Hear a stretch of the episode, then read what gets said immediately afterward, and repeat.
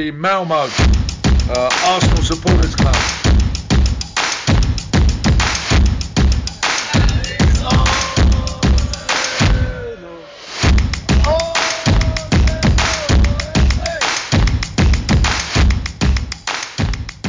Då var landslagsuppehållet nästan över och Arsenal Malmös podcast är äntligen tillbaka. Podden där vi snackar högt och lågt om Arsenal på skånska. Denna veckan är det jag, Rickard Henriksson, som får ta på mig binden och ska leda veckans avsnitt. Och i denna veckan så vankas det ett stormöte på lördag. Eh, Så veckans gäst är Liverpool-supportern och hela Mellanskåns skyttekung 2008, Johan Nilsson. Varmt välkommen till Arsenal Malmös podcast Johan! Ja, men tack för det och tack för den fina presentationen. Det var inte dåligt. Nej, du vet, lite research har man gjort. Var det då får man- 2008? Får man gräva djupt i arkivet för att hitta den statistiken tror jag. Men eh, ja, nej, jag vet inte om det, det, uff, det börjar bli länge sedan nu men eh, det ligger nog närmare till hands att tänka 20, eh, 2010, 2011 där i de trakterna tror jag. Ja, kanske det. Jag gick ju bara på eh, minnet. Jag kommer själv ihåg när jag såg dig spela. Du är ju i mina ögon kanske den mest, vad ska jag säga, du var inte den som sprang mest om man säger så. Nej, det Men var du gjorde mycket mål. Det var lite mer eh, Inzaghi eh, över min eh, spelstil typ kanske där. Eh, stå rätt, eh, göra mycket mål. Ja, fast Inzaghi jobbar rätt mycket också. Det är väl lite mer som Zlatan i gårdagens match mot Spanien kanske. Nej, kanske ligger närmare till hands, tar du rätt i. Det kan jag ge dig. Ja, men vad härligt. Eh, vi ska prata lite mer om, prata upp både Arsenal och Liverpool. Men först så tänkte jag att vi har alltid tre introfrågor när vi har nya gäster. Och oftast så är ju de fokuserade på Arsenal. Men jag tänkte vi gör en kombination här mellan Arsenal och Liverpool. Och då är första frågan, hur länge har du hejat på Liverpool och varför blev det just Liverpool? Ja du, det skulle jag nog säga om man tittar på tidsperspektivet så är det väl där någonstans runt, eh, runt 98 skulle jag väl säga att eh, det började. Då var det ju, eh, det var ju fotbolls-VM och eh, i Frankrike. Eh, och jag och du ju var 10 bast ungefär eh, och eh, då var det ju en stjärna i Englands lag som slog igenom på riktigt där ju. Det var ju Michael Owen. Just det. Eh, precis, precis. Och det blev väl min stora idol på den tiden. Så att, eh, och han tillhörde ju Liverpool. Mm. Så att, eh, någonstans var det väl de preferenserna man hade för att hitta, för att hitta ett favoritlag. Och jag gissar att även tioåringarna idag har det så. Så att eh, någonstans så, så, så blev det ganska så enkelt att eh, han blev min favoritspelare. Han spelade i Liverpool och sen så visade det sig att min, eh, min eh, äldre kusin han höll ju också på, på Liverpool. Så att, eh, då fanns det många anledningar och, och sen dess eh, så har det varit laget i hjärtat helt enkelt. Ja, någonstans blev det ju fel. ja, jag vet. Du brukar hävda det. Men, eh, och, och många, många gånger under åren har du väl haft lite rätt i det. Eh, det har varit en kämpig väg att vara, att vara Liverpool-supporter. Under de åren som jag har följt dem ju. Det har inte varit jättemycket framgångar även om det har varit lite cuptitlar här och var och Champions League-trofé och så fram tills för ett par år sedan ju. Eh, när, när det började gå bättre igen. Eh, när, när Liverpool eh, började hämta upp sig och, och Klopp kom in och, och förändrade, förändrade rätt så mycket. Eh, och, och det började bli ett storlag igen. Så att, det har varit många tunga perioder men man har väl lärt sig mycket av det också. Ta motgångar som supporter. Som jag gissar att, eh, att både du och en del andra som, som kanske lyssnar på den här podden börjar känna igen er lite i också. Ja, eh, jag skulle säga att vi är väl där nu där Liverpool var för 5-6 år sedan.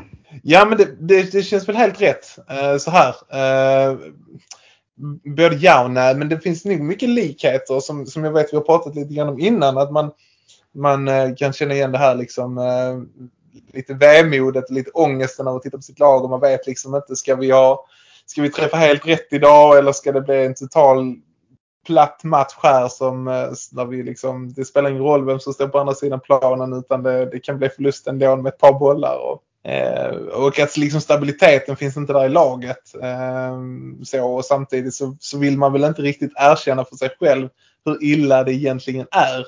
Pratar vi nuläget för Arsenal så är de ju absolut inte där just nu nu men det har ju känts att utifrån i alla fall som att det har varit så ett litet tag för Arsenal. Ja, du ska alldeles strax ska jag ge min eh, syn på det också. Men jag tänkte vi ska avrunda frågorna först här. Um, men ja, jag säger inte emot dig och jag tror vi kommer ha många intressanta diskussioner här under eh, dagens podd. Men eh, nästa fråga. Favoritspelare genom tiderna i Liverpool?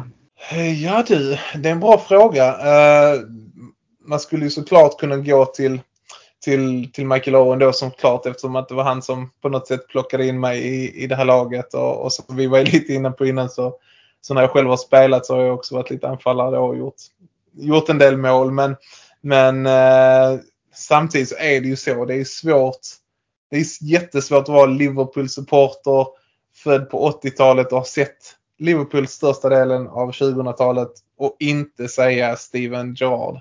Så att eh, det, det får nog ändå bli det. Han är ju den som på något sätt förkroppsligar liksom, eh, Liverpools som klubb och, och, som stad har man förstått också. Så att eh, nej, det får nog bli han. Men han har väl inte vunnit något? Nej, han har ju inte det. Och det på något sätt så, så gör ju det honom ännu större. Alltså man tittar på, på vad det var för en fotbollsspelare och att han ändå trots allt valde att stanna i Liverpool så är det ju så är det ju ganska galet egentligen att han gjorde det. Eh, han skulle ju kunna ha vunnit hur mycket som helst och, och kunna gå in i vilket, vilket storlag som helst egentligen under hans prime. Så att eh, nej, det, det är som, som Liverpool-supporter är man bara så otroligt tacksam att han, att han stannade eh, så länge som han gjorde. Så att eh, nej, det, det får nog jag och många där till svara att det är han som är är favoritspelaren.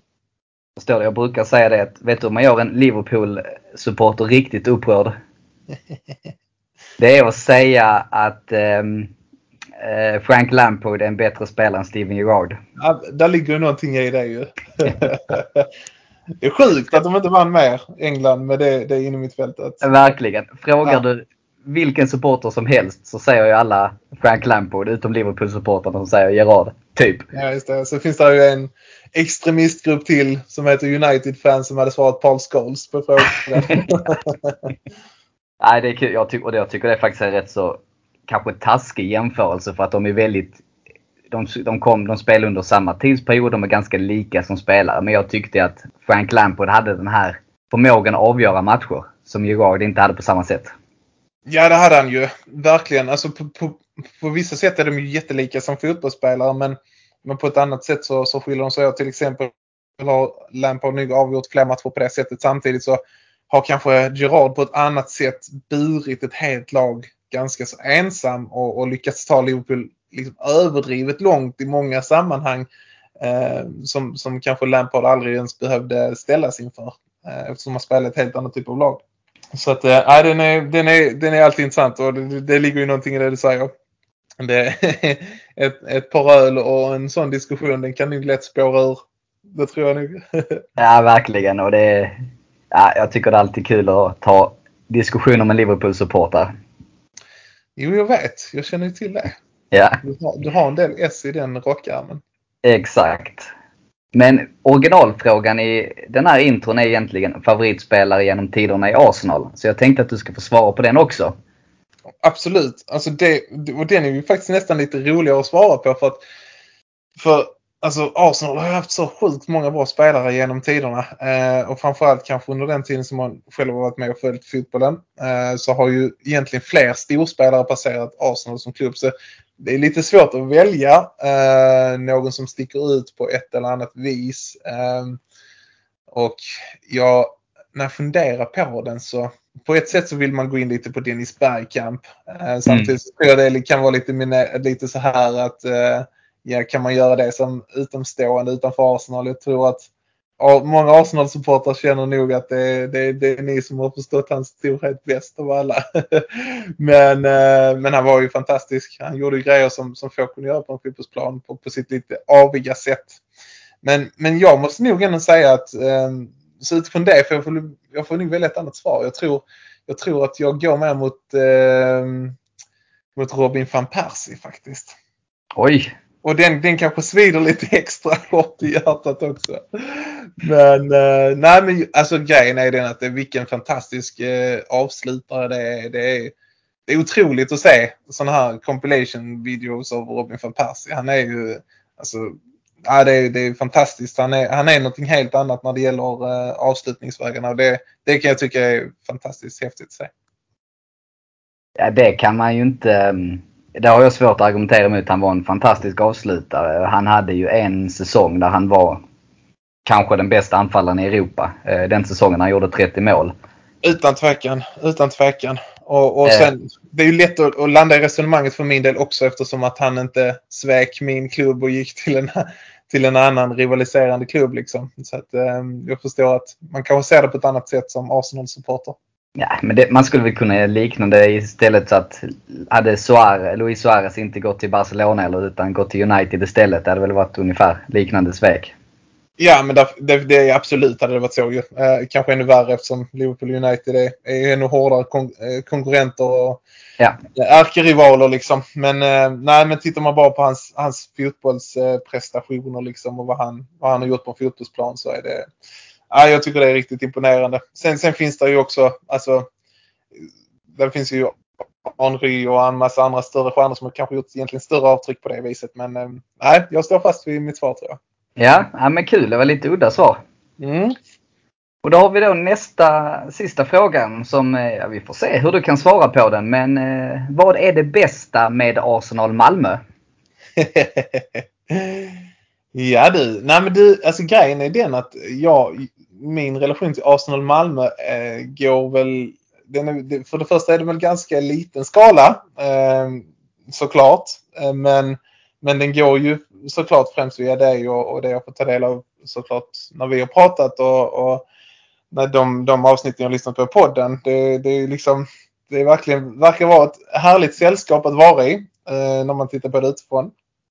Eh, det verkar finnas en, en riktigt härlig gemenskap och just det här att kunna plocka ner, plocka ner det, det stora eh, engelska klubben till ett fantastiskt lokalt sammanhang. Det, det kan jag ju nog någonstans känna att eh, det verkar ju jäkligt härligt liksom. Ja, nej, men bra svar. Um, det är lite precis så um, som vi vill ha det. Så att du får vi, vi får, jag får se till att ta med dig till puben någon gång så du får uppleva det på riktigt också.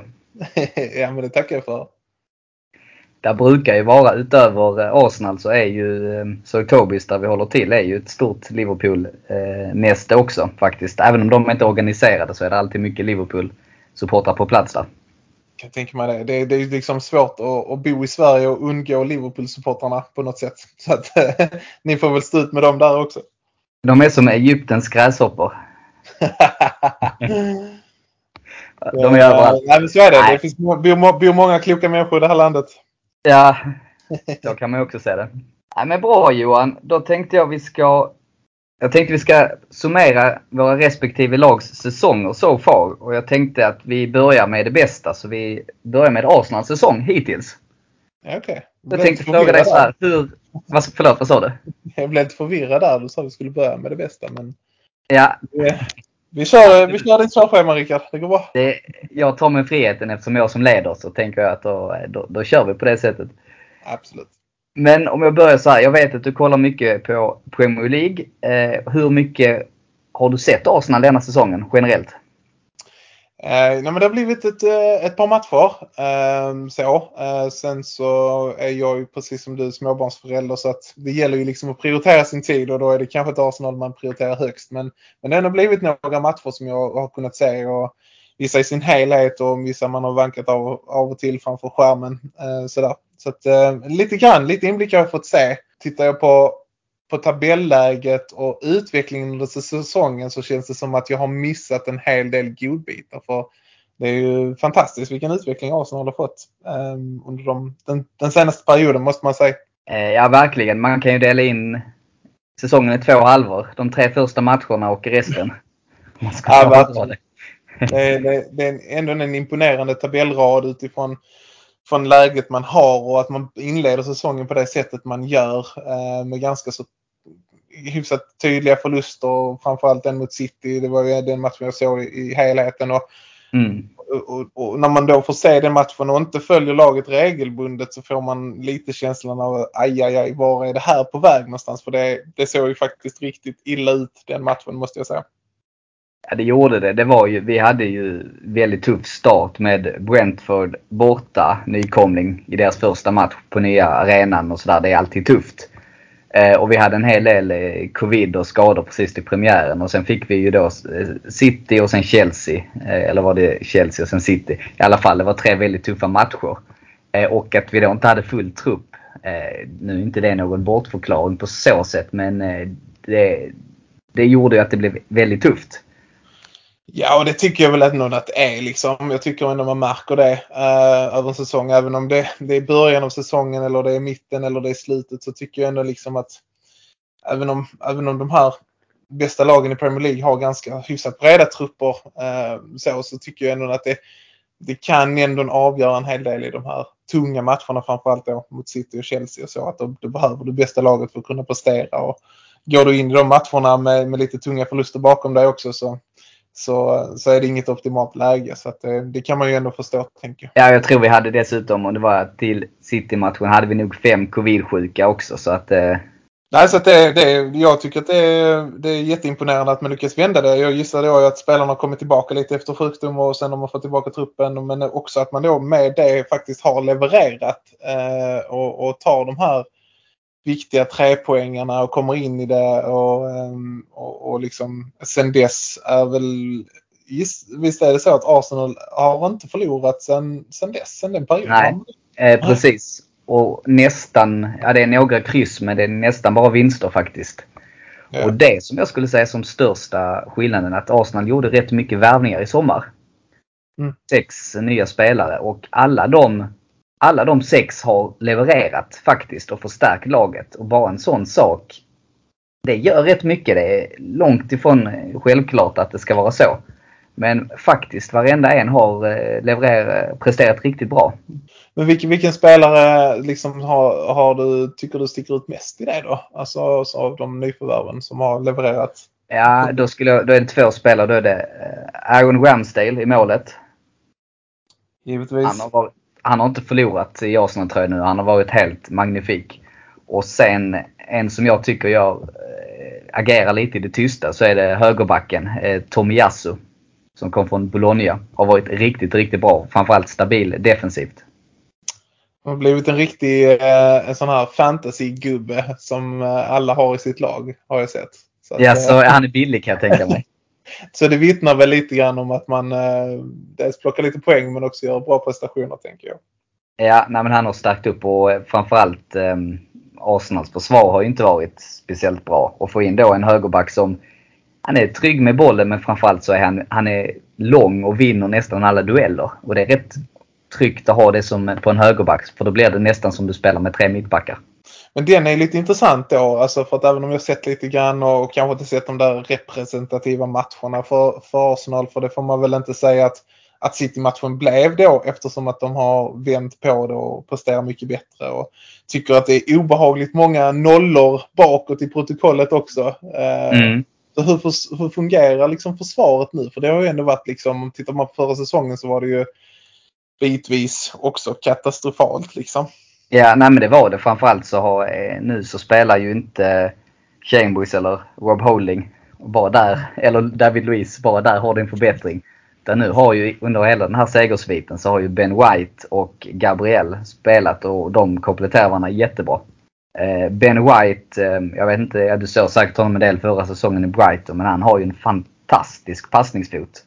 Mm. Vilket innebär att även om du pressar backlinjen så gör mm. inte det någonting för han tar sig ur de situationerna. Så att, och det är ju rätt så, det är en trygghet att även om motståndaren pressar högt och vi kan spela oss förbi den pressen så har vi möjlighet att eh, ställa om från försvar till anfall väldigt snabbt.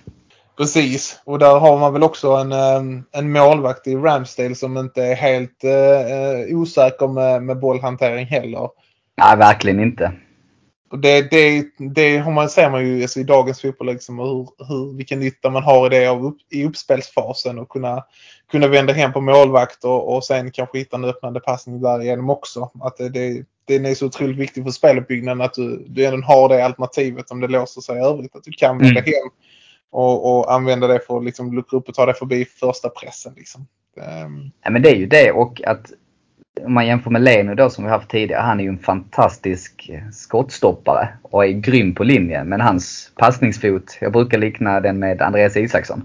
Ja, det är inte en komplimang. Nej, det är ingen komplimang. Sen så är han ju eh, förmodligen en av de bästa målvakterna i världen på linjen i hans reaktionsförmåga eh, och, och sådär. Men i dagens toppfotboll, det räcker inte.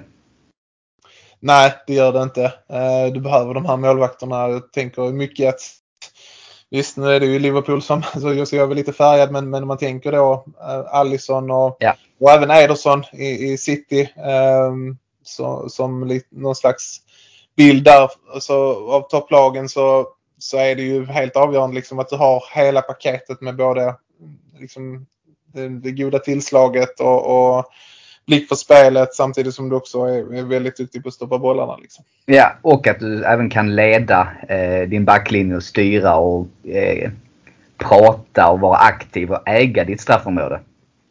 Just det. det. Så det har vi saknat. Så det är spännande. Och faktiskt är det så att den som har varit sämst av våra värvningar, det är Ödegård. Och han har haft lite skador så han har inte spelat så mycket. Men där har vi lite sparkapital. Men det, den tycker jag är så intressant. Eh, för för den, det känns som att det är någonting som jag, när jag tänker på Arsenal, som jag kan dra lite kopplingar och paralleller till, till Liverpool och hur det har sett ut tidigare. Framförallt innan man har fått in den stabiliteten som man har nu. Eh, just det här precis som du var inne på innan att de har värvat en hel del. Ett, ett, väl ett av de lagen som värvade mest eh, mm. här i somras, Arsenal. Och fått in såklart intressanta spelare och som du är inne på som har gjort det bra och kommit in bra i truppen och tillför någonting liksom. Eh, men just Ödegård tänker man ju liksom att det utifrån tycker jag det sätter lite fingret på liksom vad Arsenal är och, och även om de är inne i en god period liksom vad som krävs för att ta nästa steg och komma tillbaka lite till de här fornstora dagarna. Det känns som att Ödegård är ju en mittfältare som behöver den där nästan världsklass mittfältaren inne hos sig för att kunna ta nästa steg och utvecklas. Att det finns den där tryggheten i någon som också är precis där bakom och, och levererar på en nivå som vad ska vi ta för någon spelare? Eh, men eh, Tony Kroos till exempel. Mm, mm. Eh, den typen av mittfältare som, som kanske skulle krävas för att de här unga stjärnorna ska kunna ta ytterligare ett kliv. Jag menar, där är ju Smith Rowe och Saka och, och, och, och fler till som, som är ju verkligen redan framme på den stora scenen men, men just i klubblaget för att man som grupp ska ta nästa steg så känns det som att man man skulle behöva liksom den där riktiga stjärnvärvningen. Eh, kanske även i centrallinjen där bak. Eh, för, för, för, för, för att kunna ta nästa steg helt enkelt.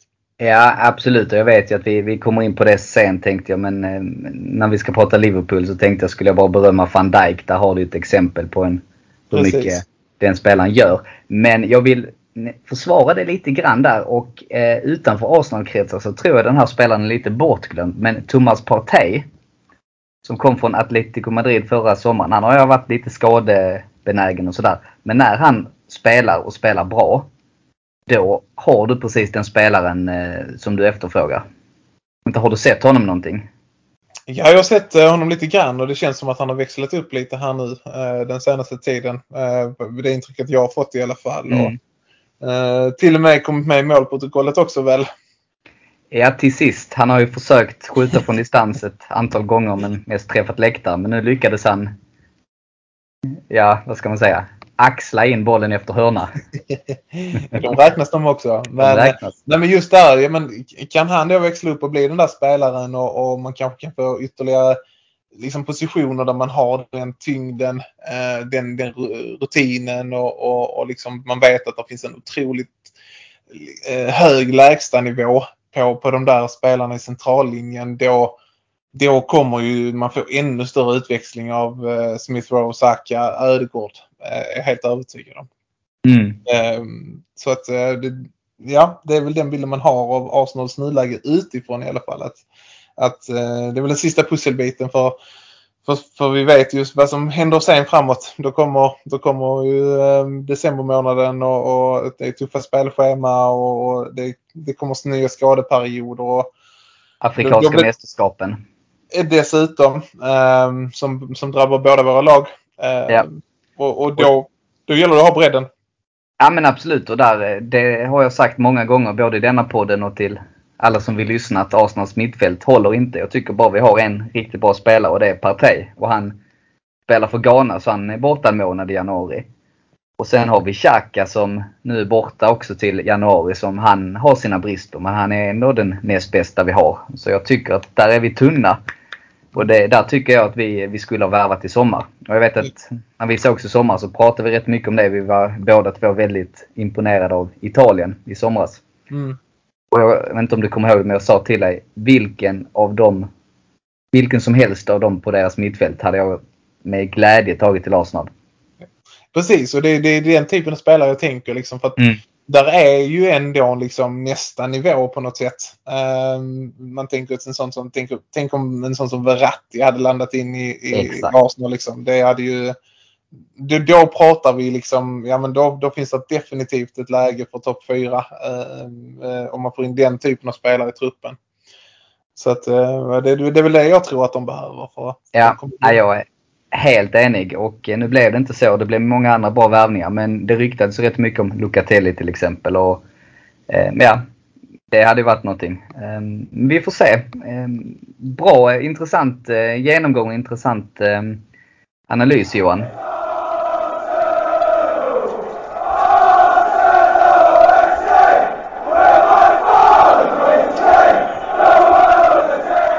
Bli medlem i Arsenal Malmö. För endast 100 kronor får du rabatter hos våra samarbetspartners Jacksport i Svedala, Limmans Biltvätt och Sax and the City samt hos våran stampub Sir Tobis.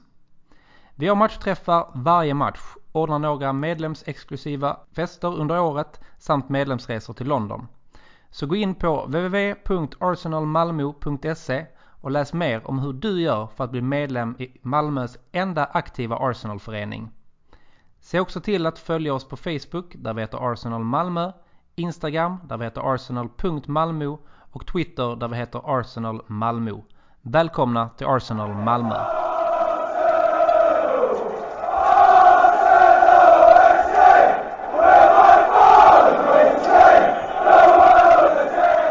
Så jag tänkte att vi ska blicka lite till Liverpools säsong och du har ju sett varenda match förstår jag.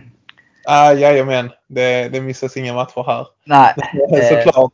Eh, där, där, eh, nej men det, det, det är jätteintressant eh, att följa dem nu och man ser det är liksom, man vet inte riktigt var man ska landa i. Eh, liksom för, vad, vad, tycker man om inledningen så här långt och var är vi på väg någonstans? För, för det har ju Tittar man tabellmässigt och, och poängmässigt, bortsett från de två senaste matcherna så har, så har det ju ändå flutit på. Poängen har trillat in, de har gjort bra prestationer även mot de stora drakarna Chelsea och City. Eh, gör de ju bra United. matcher även om de eh, kommer iväg med två kryss liksom, så är det ändå en, det är bra prestationer. Mm. Samtidigt så är de då på hemmaplan och, och det vet vi att det är, det är fortet liksom. Där, eh, där tappas det inte många poäng. Ehm, samtidigt så är det ju det är de tendenserna som kommer fram här nu i matcherna mot eh, Brighton och West Ham, de två sista matcherna där vi har ett poäng på två matcher. Vilket bortsett från poängtappen är, är, är prestationer som man har sett lite tendenser av i vissa matcher också. Det är ju som vi har pratat om tidigare som förmodligen alla som följer engelsk fotboll har konstaterat innan att, att eh, det finns inga enkla matcher i, i den serien. Och det gäller verkligen att göra jobbet i varje match liksom. Och, och um, tycker ändå man ser och sett lite tendenser i just de här matcherna mot den typen av motstånd att eh, matcherna kan stå och väga lite. Eh, det är lite chansartat emellanåt. Eh, de spelar med sin otroligt höga press fortsatt och eh, det som väl märks av tydligast, du var inne lite grann på skador och sjukdomar innan kring Arsenal och Liverpool Förra säsongen hade ju mycket mm. problem med backlinjen. Nu är det ju mittfältet som det har varit mycket frånvaro på och det är ju supertydligt. Uh, för det är ju där, uh, det är där man går fel i pressen. Har ju gått bort sig vilket har skapat omställningsläge för de här lite sämre lagen och som har kunnat komma upp. Och då, då har Brighton och, uh, och West Ham framförallt straffat, straffat oss väldigt hårt. Man såg också mot Brentford i den matchen som slutar 3-3 Eh, sen i Brentford, precis som Arsenal, fick jag erfara ett, eh, ett väldigt bra fotbollslag Mm. eh, som, som presterar väldigt väl. Så jag vill även lyfta, förlåt, även Brighton. Vi, vi kryssar borta mot dem också och de, det är inget lätt lag. Nej det är det inte. Det är ju det, det är ett kul lag att titta på Ja. och eh, det känns som att eh, Graham Potter fått till det riktigt ordentligt. Eh, Alltså han har gjort det jättebra innan men han, denna säsongen känns det lite extra faktiskt. Mm. Ja, de är duktiga och även West Ham går ju väldigt bra. Mot alla odds. Ja men det gör de. Det gör de ju. Sen, sen måste man ändå säga det i slutändan liksom som att Liverpool ska ju liksom nio gånger av tio slå West Ham borta. Absolut. Och, och har ju definitivt matchen till att kunna göra det. Men eh, nej, det har inte riktigt stämt på mittfältet tycker jag. Eh, nu är man ju där som, som Liverpool-supporter att man, är, man börjar bli lite kräsen. Eh, det är mycket vinster och, och, och varje förlust så, så, så blir man lite kritisk och på ett sätt som man kanske inte har varit innan. Men, eh, men så är det ju samtidigt. Liverpool är där de är nu och, och då får man ställa lite högre krav såklart. Så, man är inte, man inte helt nöjd med det, allting man har sett. Nej, jag förstår det. Och samtidigt, det är ju jämn serie så Liverpool är absolut med och jag tycker ju att det jag har sett har ju varit stundtals riktigt bra eh, offensivt. Jag tycker om tendens att eh, men göra de här målen och bara fortsätta mala på. Jag tycker ju Firmino som jag inte har varit jätte... Jag har ju framförallt lyft, jag tycker ju ehm, Mané har varit den stora offensiva kraften som jag alltid har varit imponerad av. Men jag tycker ju Firminos säsong är ju jättebra. Väldigt imponerande. Ja, verkligen. Och det, då, då står han ju ändå i skuggan av den andra ute på kanten. Eh, absolut. Salah, det har varit, eh, det har varit helt otroligt ju. Eh, Så han, nej, men- är han ju alltid bra. Han får ju alla rubriker och sådär. Jag, det är det, det jag, gill- jag gillar ju de som är lite mer, de som typ är näst bäst i laget. Ja men exakt, exakt. Och det, det är lite intressant att du säger det för jag kan och, och där är jag inte säker typ på att jag, jag har, eh, liksom kan tala för, för hela Liverpool supporterskaran i det. Eh, men, men min pendel har nog svängt om lite just när det gäller Firmino. Inte kring, så mycket kring hans prestationer men lite grann kring hans roll och vad vi behöver just nu. Ehm, för, för han är ju han lyfter ju oftast fram som en väldigt underskattad spelare och en som, som, gör, som är väldigt duktig i pressspelet och som gör de andra bra och hittar löpningarna och framspelningarna och så. Och det är, det är han verkligen. Men, men det känns också som att för att Liverpool hade en mellansäsong förra säsongen och det känns som ska de tillbaka upp nu så, så krävs det liksom att de hittar de nivåerna de gör stundtals i matcherna där det är exceptionellt bra. Det är riktigt, riktigt bra. Men, men det känns som att en, vi hade nästan haft större nytta just nu av en, en, eh, en striker där i mitten. Som, som, eh, som är först framme på alla inlägg från, från Trent och från Robertson och, eh, och petar in de där enklare inläggen. Liksom. Som känns som att eh, Liverpool gör väldigt mycket mål men, men Liverpool missar också väldigt mycket chanser. Så att, eh, Typ en Lukaku typ eller? Ja men något det hållet. En, en Lewandowski typ eller något i den stilen. Eh, känns som att eh, det, det hade vi gärna tagit emot i mina ögon. fall. Kanske en sån som Aubameyang hade passat väldigt bra i Liverpool. För han, han hade bara behövt stå i mitten och raka in den. Ja men lite så. Eh, en, en, en lite måltjuv eller, eller en, en tung striker som är där inne som man kan pricka huvudet på Mm. och, och som sätter dem, eh, eh, sätter dem ofta om man missar nästan eller på sig. Men, men, eh, nej, men så lite dit börjar jag väl svänga eh, kring just hans roll. Eh, men, men det är klart att han är jätteviktig för laget. Eh, han, han, gör, han gör det jättebra. Sen är det ju gott att man har Jota har kommit tillbaka och och jag tycker också att han gör det bra. Han är en annan typ av spelare men, men det känns som att det händer mycket kring honom hela tiden i anfallsspelet. Han är med lite mer i uppbyggnaden och, eh, och gör också Salah och Mané väldigt bra. Ja. Ja. Nej, men spännande. Ehm, Jag tänkte innan vi lämnar det skulle jag vilja höra lite med dig vad du tycker kring ytterbackarna. Vi har diskuterat det mycket här. eh, Eller jag har gjort det i olika eh, tillställningar med när Liverpool-supportrar har varit med. Och hur man ser på framförallt en ständig diskussion. Vem är Premier Leagues bästa vänsterback? Är det Kieran Tierney eller är det Andy Robertson? Eh, ja, det, den, är, den är lite intressant. Du räknar inte med Cancelo där kanske när han spelar på vänsterbacken då? Ja, jag ser väl honom som en högerback, men det är kanske fel. Ja, men då, jag vet, de brukar väl spela mycket med Kyle Walker där ute till höger nu. Ja, och, och, sant. Över Cancelo och, och han är väl mycket... Jag, de diskussionerna jag följer så är det väl mest mellan Cancelo och, och, och Trent liksom när det gäller ytterbackspositionerna. Men eh, Ja, men de är ju med. Trent är ju en annan eh, position. Jag tänker just, och jag tycker just för att jag lyfter de två, att jag tycker lite synd om Skottland. Skottland har två stycken världsklasspelare och båda två råkar vara vänsterbackar. Ja, ja, det kan inte vara jättelätt att vara förbundskapten där tänker man ju. Det är jobbigt men- läge. Ja, lite så. Lite så. Men eh, nej, jag skulle säga att det är, ska jag vara, försöka liksom vara lite saklig i den diskussionen så tycker jag den, det, är, det är väl ganska svårt liksom. Eh, Robertson, alltså man, han är ju inte riktigt i sin prime just nu heller. Eh, just nu så är det nästan så det står och väger liksom mellan är det, är det Tsimikas eller Robertson de ska starta med. Eh, Ja. Där, där supporterskaran väl går lite isär. Så att eh, beroende på vad Tierney är just nu så, så, så är jag väl nog mer beredd att, att debattera den. Men hade du frågat mig för något år sedan så, så vet du vilket svar du hade fått. Ja, jag är själv lite kluven faktiskt. Jag tycker ju Robertsons offensiva kvaliteter är, där har jag alltid varit avundsjuk. Sen så tycker jag han går bort sig lite i eh, defensiva och då tycker jag kanske Tierney är stabilare. Men eh, Ja. oavsett tycker jag det är två fantastiska vänsterbackar. Jag tycker det är, det är lite roligt med Skottland. Ja, det, det är kul. Med, Lite komiskt med, det. med de där lagen som, som har en eller två bra spelare. De, och så hamnar de på samma position. Det är ju rätt så galet faktiskt. Ja, och sen får de dras med McTominay och övriga. Just det, resten av det pissgänget.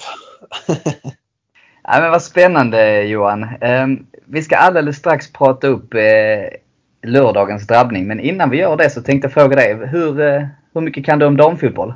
Eh, du, det börjar väl bli bättre och bättre med det. Eh, man skäms ju nästan lite ibland. eh, Ja. hur, hur lite man kan. Men eh, där är mer att lära kan jag väl säga. Ja, men jag håller med och eh, jag har faktiskt, mitt intresse har ökat rätt mycket de sista två åren. Framförallt på grund av att Viaplay har börjat visa ehm, English eh, Women Premier League. Och det är faktiskt så att eh, Arsenal Women leder den serien. Om du har missat det. Så det är väldigt roligt att ha en svensk tränare, Jonas Edevall.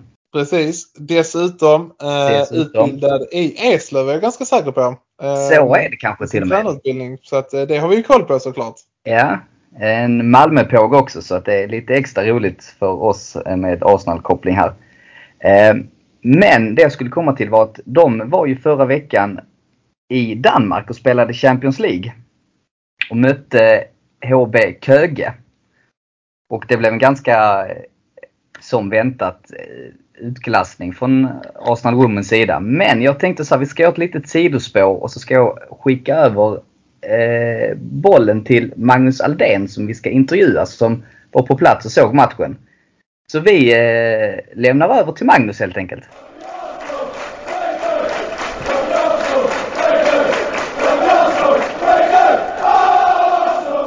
Och då har jag med mig Magnus Aldén som var på plats på matchen mot Köge.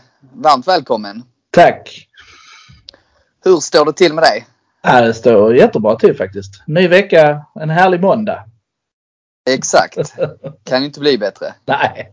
Eh, jag tänkte Magnus att du ska få eh, ta tillfället i akt och göra en liten reseberättelse. Berätta lite kort om, ni var ju ett gäng från Arsenal Malmö som åkte iväg och kollade matchen mot Köge. Så jag tänkte att du ska få dra det lite kort om din upplevelse och dina minnen. Jag tyckte det var en fantastisk resa. Ehm, vi var ju ett eh, litet men gott gäng på sju personer som tog oss över eh, sundet och skulle kolla lite fotboll.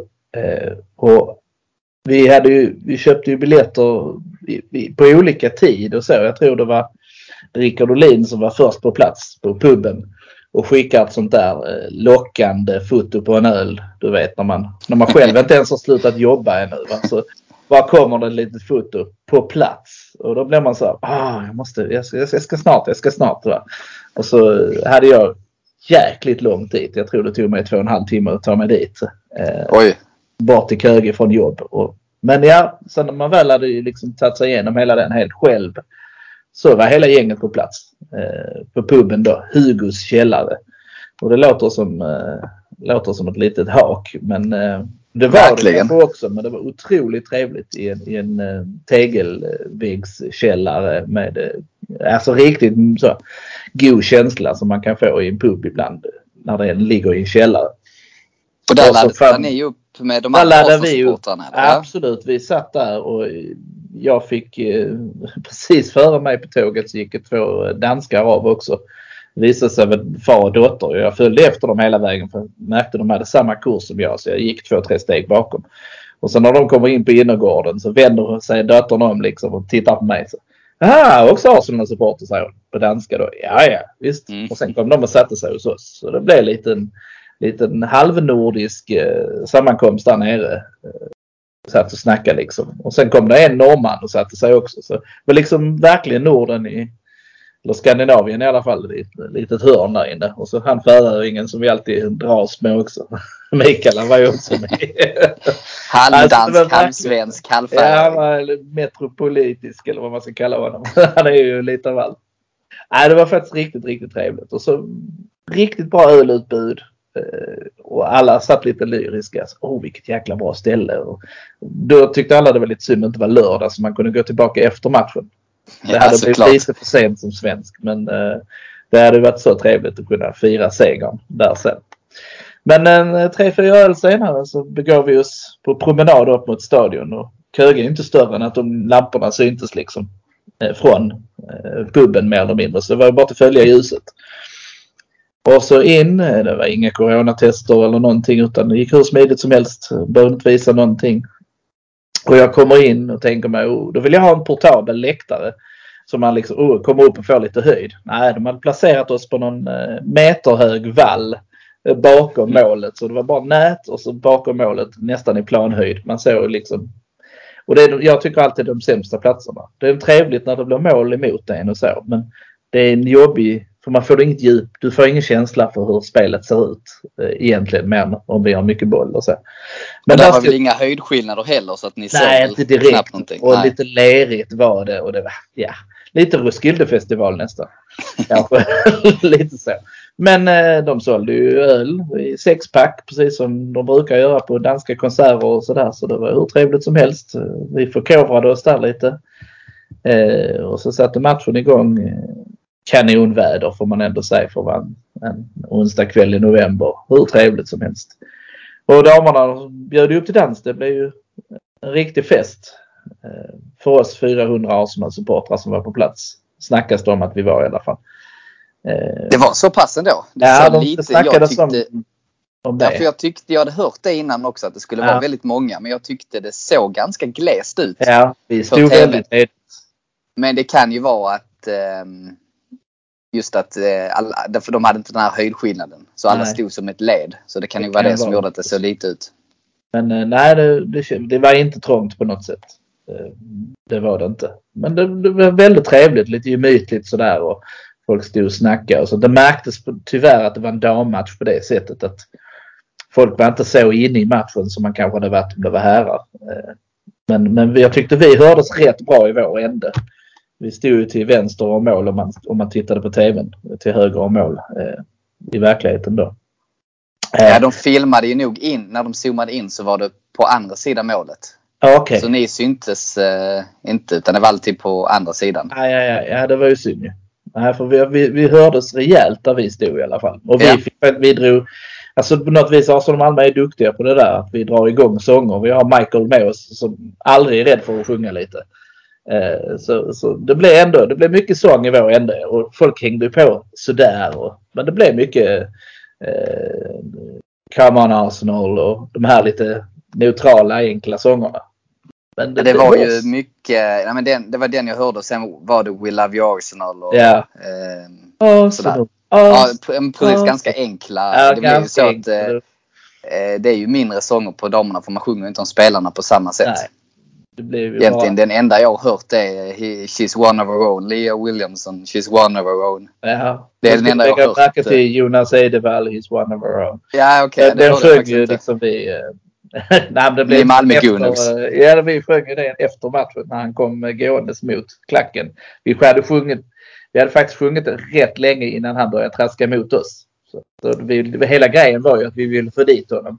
Ja. Vi vill ha autografer och påminna honom om att han ska vara med i vår podd.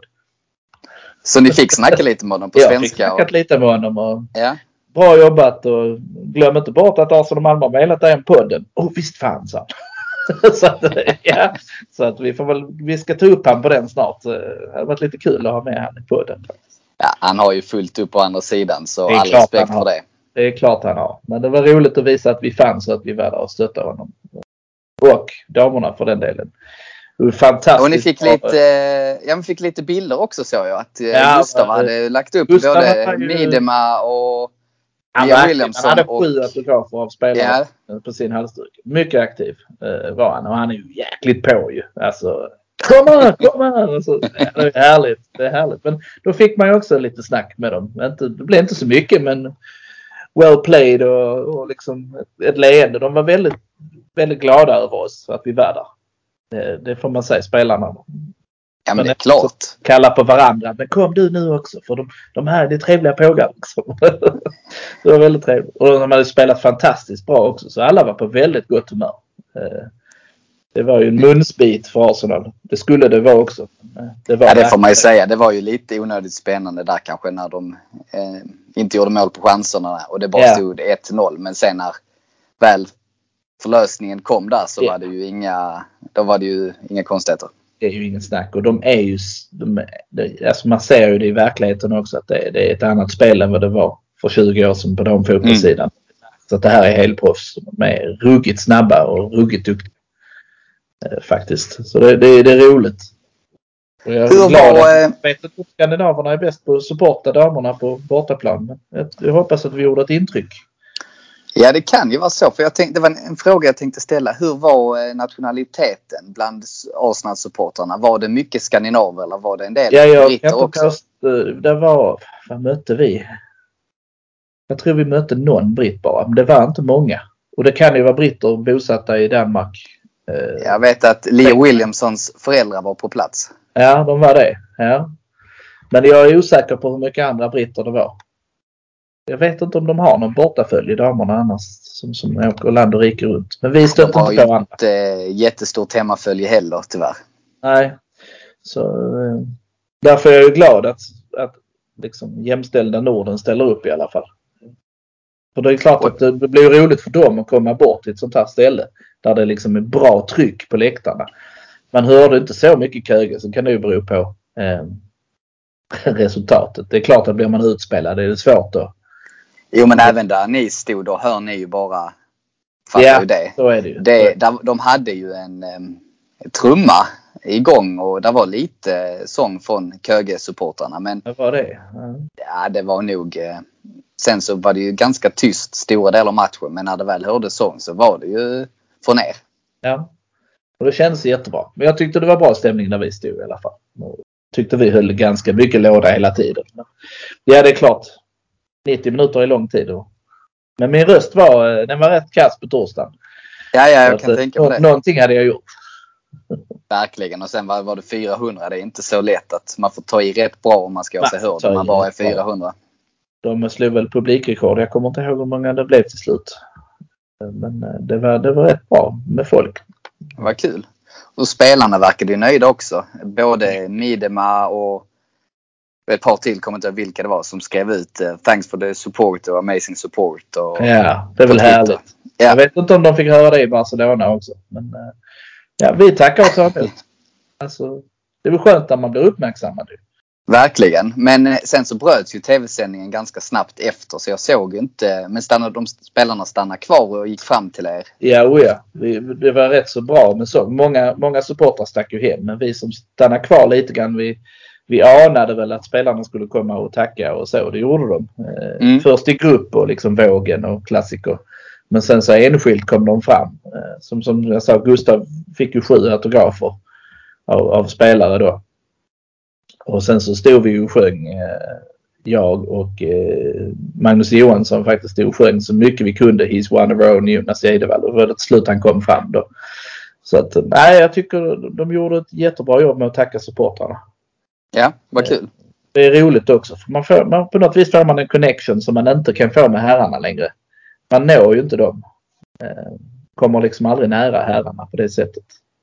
så på det viset är det roligt med damfotboll. För det är lite mer gammaldags. Va? Man kan Mm. få kontakt med spelarna. Det är ganska primitiva arenor ibland. Va? Och det, men det är riktig fotboll. Liksom. Ja men verkligen, det har ju lite mer själ kvar. Det är inte så mycket, det är klart det kommer mer och mer pengar men det har ju inte, så här, pengar har inte förstört sporten på samma Nej. sätt. Och än så länge är de inte så superskyddade från, från supportrar som, som herrarna är. Nej men vad roligt och sen efter matchen så var det tåg tillbaka och Det var tåg tillbaka på och rätt i. Ja, Ja. Nej tyvärr. Det, alltså det var ingen som orkade med det. Det var, det var lite löst snack om det men nej. Det är ingen som orkar med. Det var en jobbig dag dagen efter för alla. Så. Mm, tyvärr. Men det hade varit trevligt. Det tar vi igen en annan gång. Absolut, vi håller tummarna för eh, att det blir eh, Rosengård i nästa år. Ja, eller Kristianstad. Det- Det är också görbart. Ja absolut, ja, hela, Men hela Rosengård är södra ännu roligare för som Malmö såklart. Men, eh, men, Stor men- arena, då hade vi kunnat få hela kortsidan också. Ja, ja, lätt. Lätt. Då får vi se om det kommer sju Köpenhamnare över också. Säkert. ja. Nej, men riktig höjdarresa. Ja men vad härligt. Eh, tack för den summeringen Magnus. Några Tack avslutande ord? Nej, det är bara så tror jag. Då tackar jag för det. Tack ska du ha Rickard.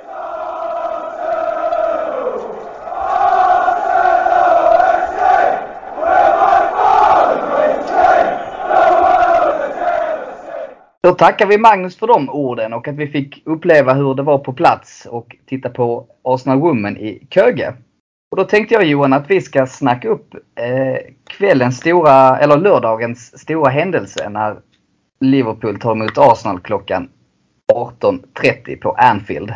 Ja, eh, mina tankar är så här att eh, bara inte vi blir förnedrade.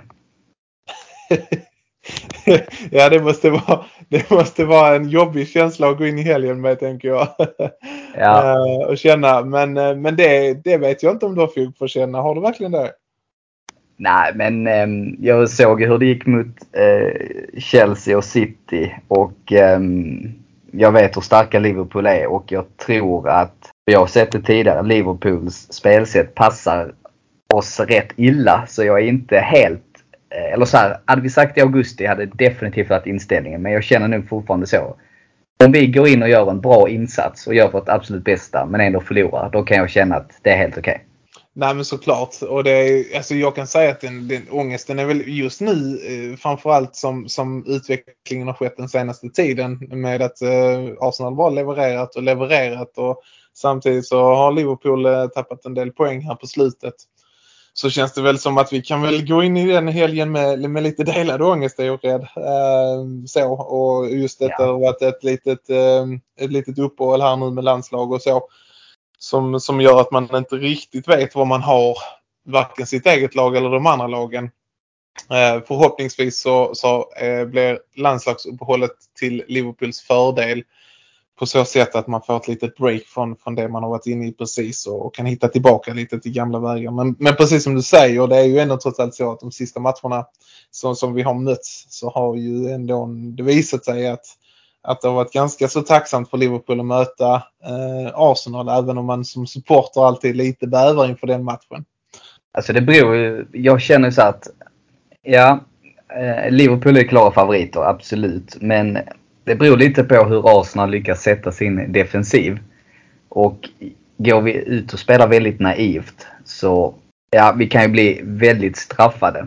Så att det, det är viktigt för oss att hitta balansen så att då kanske vi kan kriga oss till en poäng. Det är lite så jag ser det. Men, eh, men vad känner du? Vad är det du är orolig för?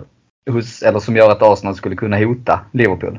Nej men dels så, så tänker jag, ja men det är väl, det är väl egentligen framförallt två faktorer tänker jag. Eh, jag tänker att man eh, dels har ju visat att man, eh, man håller ganska så tätt bakåt. Man har en målvakt som är i, verkar vara i en jävla form här nu i, i Ramsdale och Mm lite grann det här att när, när de matcherna som Liverpool har haft det tufft och då dessutom tappat poäng, då har det ju varit lite grann att man har kommit fram till sina fina lägen, ganska så öppna, klara lägen, men det har varit ett stopp på en målvakt som har lite så överpresterat i mål. Och, och, och där kommer det in till nästa faktor på något sätt, att jag tror att det kommer bli ganska så avgörande för vad matchen tar vägen, vem som gör första målet. För att vi vet ju att det brukar bli en hel del mål i de här matcherna, men men det är inte säkert att det blir det i helgen och jag tänker att får Arsenal in första målet och, och sätter sin defensiv som du säger, det är väl det jag är lite orolig för, och, och Ramsdale spikar igen så Ja, det, det är väl där mina orosmoment ligger, att det, att det matchscenariot ska spela ut sig på något sätt. Ja, det kan ju hända. Jag menar bollen är rund. Jag menar en hörna, en eh, snedstuds. Jag menar alla lag kan ju alltid göra ett mål. Ja men så är det ju såklart och, och jag tänker att eh, men Arsenal har ju duktiga offensiva spelare och, och de lagen som möter Liverpool när de spelar anfallsspel så är det ju då spelar man ju mot ett ganska öppet försvar. Ganska många gånger får man ändå säga och, och har man då skickliga spelare i de lägena så, så är det klart att när man sitter där framför TVn så är man ju eh, lite orolig varje gång det blir en omställning. Eh, när man vet vilka kvalitetsspelare som finns där framme. Men eh, ja. Ja, vi får se. Jag är ju framförallt orolig över eh, fronttrion där framme. Alltså Salah och eh, Mané. Alltså deras snabbhet och hur våra ytterbackar ska eh, hantera den situationen. Ja, alltså kan, kan Liverpool komma upp i den nivån som, som de har visat här lite tidigare, framförallt i Champions League där det har sett riktigt bra ut, eh, stundtals i alla fall. Så, eh, så känns det som att eh, det finns goda förhoppningar om att det då tvärtom blir Liverpool som gör det första målet. Och rasslar det in och man dessutom kanske kan få tvåan så, så känns det som att eh, ja, men då kanske man kan få se någon repris av hur det har sett ut de senaste, senaste mötena eh, när, när Liverpool har haft ganska beskedligt eh, läge i de matcherna mot Arsenal. Men, eh, men jag vet inte om jag vågar hoppas på det bara. Ja, men det är lite det jag är orolig över. Arsenal har inte varit så mycket i den situationen att man har behövt jaga ledning utan det har varit kanske att man har vunnit mycket med uddamålet och det har oftast kommit ganska sena mål eller att man har gjort ett tidigt i första halvlek så att man har kunnat spela på resultatet. Men jag såg däremot både Chelsea och City, då var det ju ett baklängesmål tidigt. Och då är det på något sätt som att då blir spelarna nervösa och Arsenal har en väldigt ung trupp. Och då på något sätt ändras hela, hela matchplanen. Så jag är ju väldigt orolig för det och jag tror tyvärr att Liverpool kommer göra ett tidigt mål och säkert kommer vinna med 3-4-1. Ja, det, det får du gärna ha rätt i. Nej. Det hoppas jag verkligen. Jag tänker ju att det man vill ju när man möter de här unga lagen, för visst är det så att Arsenal har ju ganska så ung trupp. Oh ja. Man vill, ju, man vill ju på något sätt kontrollera och dominera och kanske till och med ledningen inom de första 60-65. Eh, för kan man, kan man ha det så vet man att sen börjar lite gnistan och, och dö ut om man inte kommer loss ur greppet riktigt och, eh, och hittar sina lägen och så, så, så kan lätt eh, huvuden börja hänga lite grann. Mm. Och, då, kan, då kan de sista, sista 25-30 där bli ganska så beskedliga. Så att jag, jag hoppas mycket på den första, första timmen kan jag väl säga. Jag tror du har rätt att den blir viktig. Och även då framförallt som vi var inne på innan om mittfältskampen. Eh, jag tänkte på det, det skulle frågat dig innan. Hur mycket saknar Liverpool Wijnaldum? Nej men det har ju visat sig att man, man saknar honom nog mer än vad man kanske hade trott egentligen. Mm. Eh, för tittar man kvalitetsmässigt så, så, så finns det ju mittfältartruppen som såklart slår Wijnaldum men, men han har nog fyllt en, en viktig roll som man kanske först såg för när den försvann för att man har inte riktigt hittat en bra ersättare till hans roll. Nej. Och, och just på mittfältet, där finns ju inte den här stjärnspelaren som finns i, i, i anfallet till exempel eller i försvarslinjen. Och, och ehm, det känns som de är så beroende av varandra och, och av laget som helhet för att hamna rätt i alla lägen.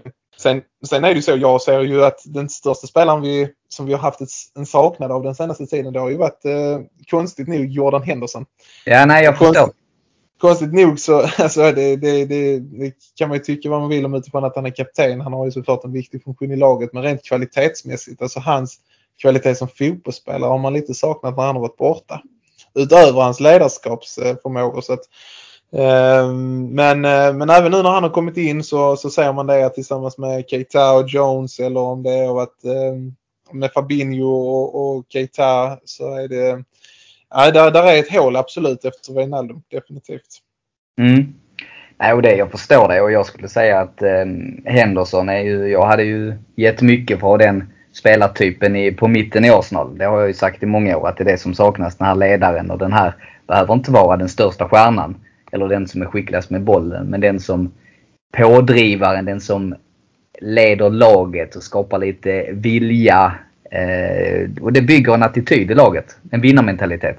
Ja men verkligen, verkligen. Så det, det gör han väl förmodligen bättre än någon annan på planen i Liverpools lag. Eh, så. Sen han, å andra sidan då om man tittar rent så kvalitetsmässigt hur han har utvecklats så, så är det ju lite det jag menade till exempel med Ödegård innan och ha en spelare runt om sig. Vad det gör mm. med. Och tittar man på Henderson innan, innan Klopp kom in så är det liksom en helt annan spelare än vad han är idag. Eh, men när han får lov att ha då tryggheten i Fabinho och, och de här spelarna framför sig som tar de här löpningarna och Trent och, och Robertson på kanterna så, så, så växlar han upp och får, får vara sitt bästa jag. Eh, så att, så att han, han har ju en otroligt viktig roll i, i Liverpool utifrån det nu. Spännande. Hur eh, ser det ut? Är alla spelare tillgängliga eller har ni lite skador? Ja, det, det är ju då det som eh, hänger lite i luften här. Lite osäkerhet och, och eh, kring här om jag förstått rätt här eh, och vad som händer under veckan. Det är ju både Faminho eh, är väl nog väldigt tveksam till att han kommer att spela överhuvudtaget om jag har förstått det jag har läst på rätt sätt. Och eh, det har även varit lite kring både Mané och Henderson också som har haft lite småkänningar. Men, eh, men det ska väl ändå vara ganska så möjligt att de kan starta utifrån det man har läst. Så det hoppas jag verkligen att, att de gör för att eh, jag har inte råd att tappa de spelarna mot, eh, mot er på, nu i helgen. Nej, spännande.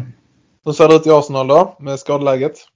Nej, men ganska bra. Xhaka är ju borta sedan länge. Eh, men nu har vi faktiskt lyckats spela rätt bra utan honom. Däremot så var ju Partey skadad sista matchen här innan landslagsuppehållet. Eh, lite oroväckande så han åkte inte med Ghana här nu.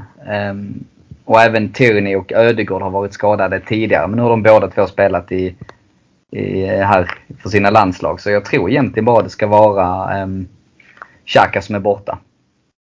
Alltså lättnaden man känner efter att de där stjärnorna har spelat sin sista match i uppehållet och klarat sig utan skador, den är ju, eh, det är ju fantastiskt. Ja, lite så. Det, nu fick ju Smith Rowe, jag vet inte om du såg det, han blev uttagen i eh, Englands trupp och fick hoppa in. Och det var många som sa, åh vad roligt för honom, eh, fan vad gött och så. Jag tänkte bara, ja fast är det så bra? Han får inte bli skadad. Nej, man är ju lite så. Man, man ser det lite ur det perspektivet hela tiden ju. Men eh, det är klart att han ska vara uttagen i landslaget. Han har gjort det fantastiskt bra. Ja, och det var faktiskt inte nämnt som honom så mycket här i denna podden. Men han har ju varit vår bästa spelare, skulle jag säga.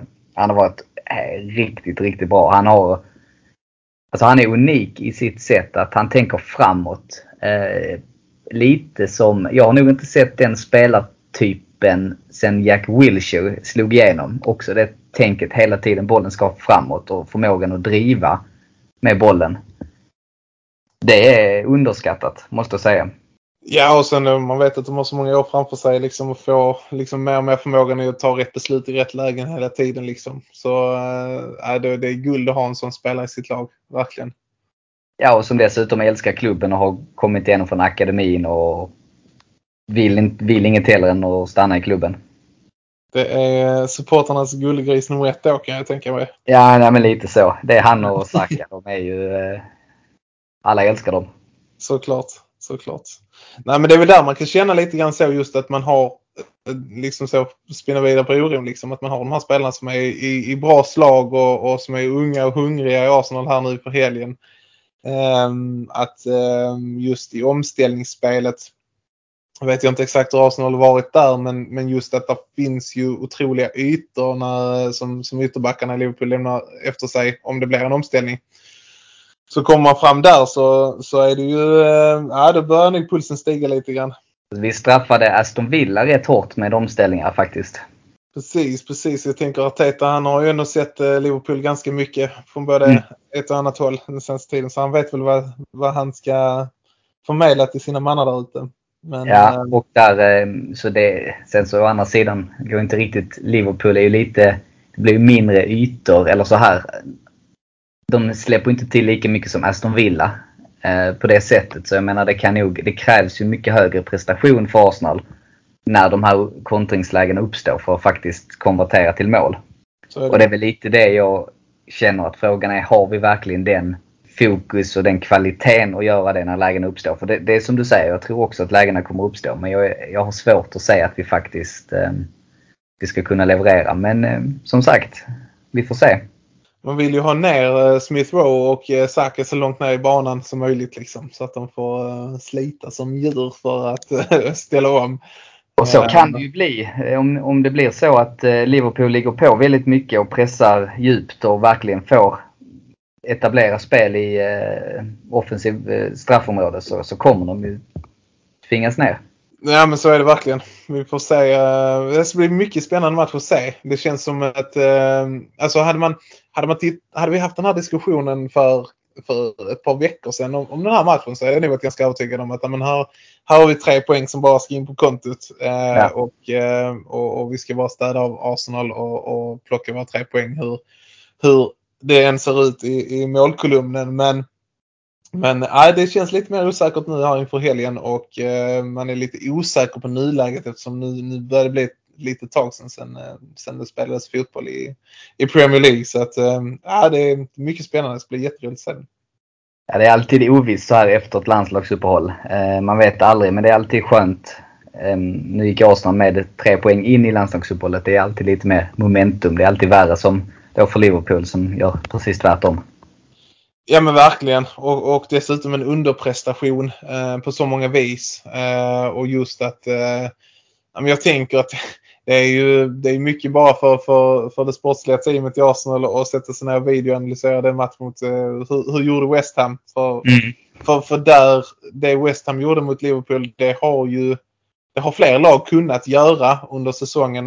Eh, men, men de lyckades. Och, och, och, ja, där, där, kan, eh, där, där är nog en del att hämta tror jag för Arsenal. Ja, spännande. Vi får se. Vågar du dig på att tippa ett resultat Johan? Ja du, alltså jag tror att eh, någonstans så, så när vi ska landa i något slutresultat så får jag nog ändå tro att Anfield eh, är, är faktorn som kanske ändå väger tyngst eh, i min analys i alla fall. Och, och det innebär att Liverpool vinner. Så att, eh, men eh, jag sa väl innan någon slags målsnål tillställning och i Liverpool mot Arsenal eh, mått så får ju det bli åtminstone tre mål för att det ska bli snålt. Eh, så jag säger, eh, jag säger 2-1 till Liverpool. Jag tror eh, dessutom att det inte är omöjligt att, eh, att eh, det står 1-1 långt in i matchen faktiskt. Så att, Nej. Mm, där har vi mitt tips. Har du, har du ett motbud? Ja, inget, inget bättre motbud för att jag tror precis som du att Liverpool kommer bli för starka. Jag tror att det är 8, 8 av 10 ehm, som Liverpool vinner den här typen av matcher. Så jag måste tyvärr säga 3-1. Men ehm, ja, eh, hoppet är ju det sista som överger en. ja men så är det ju såklart. Ehm, men nej, det, jag, jag tror 3-1 är nog inte orimligt heller men, men vi kan nog vara överens om i alla fall om att eh, det, det, finns nog utrymme att tänka att det blir en tight match. Det kan det absolut bli. Um, och, det, och så här hade det varit som vi sa för några månader sedan, då hade jag varit helt övertygad om att Liverpool skulle vinna. Det är jag faktiskt inte nu. Nu ser jag ändå att det finns en liten chans. I alla fall att eh, kriga sig till en poäng.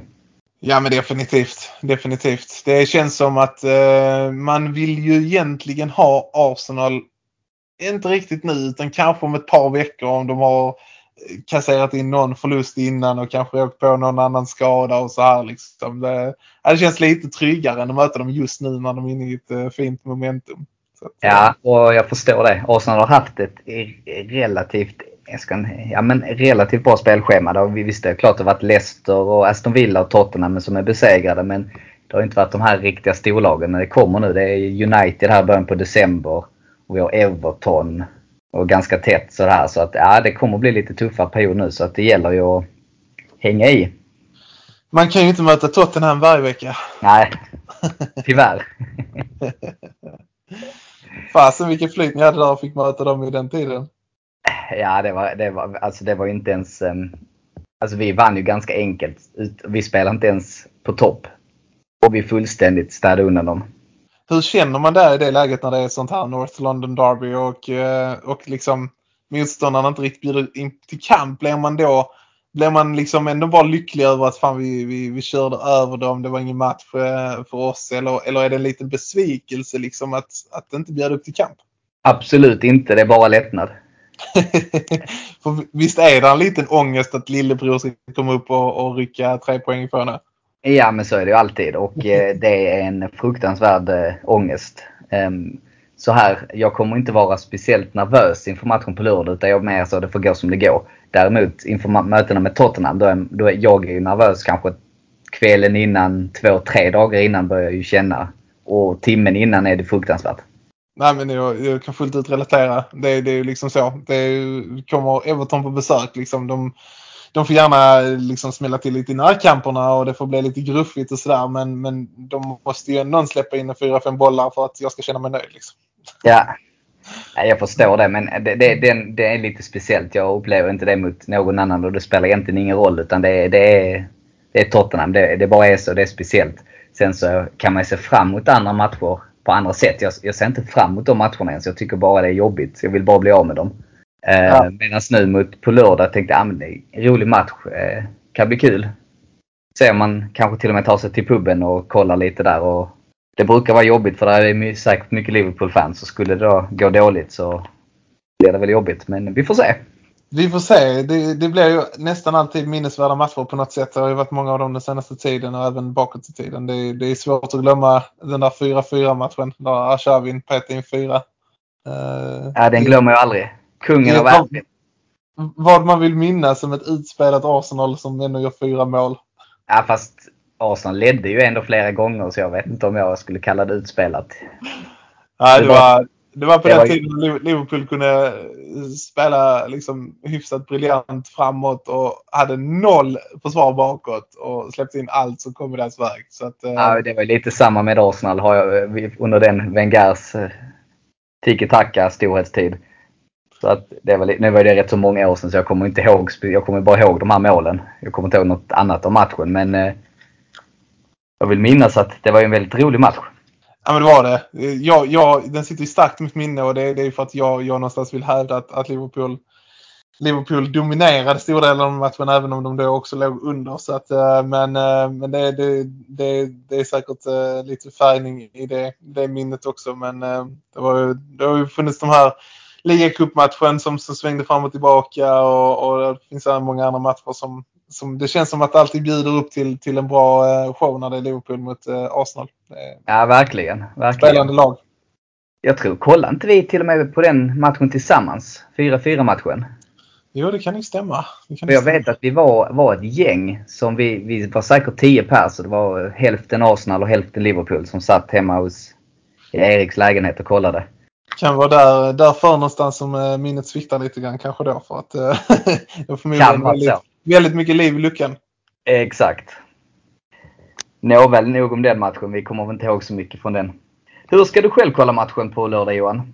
Du, eh, matchen på lördag blir en sån här eh, sittning som man får eh, tyvärr eh, dra fram ibland när man då Ja. är en inbiten supporter och då är ju förfarandet så att man eh, är man upptagen vid matchtid så, så får man ju någonstans köra media blackout och så eh, tittar man på matchen sen när man har kommit hem och, och familjen har lagt sig och, och sen så sätter man igång matchen i efterhand. Och, och, och eh, sitter med sin ångest och i sin ensamhet i mörkret och, och försöker njuta av lite fotboll. Så, så blir det för min del denna gången.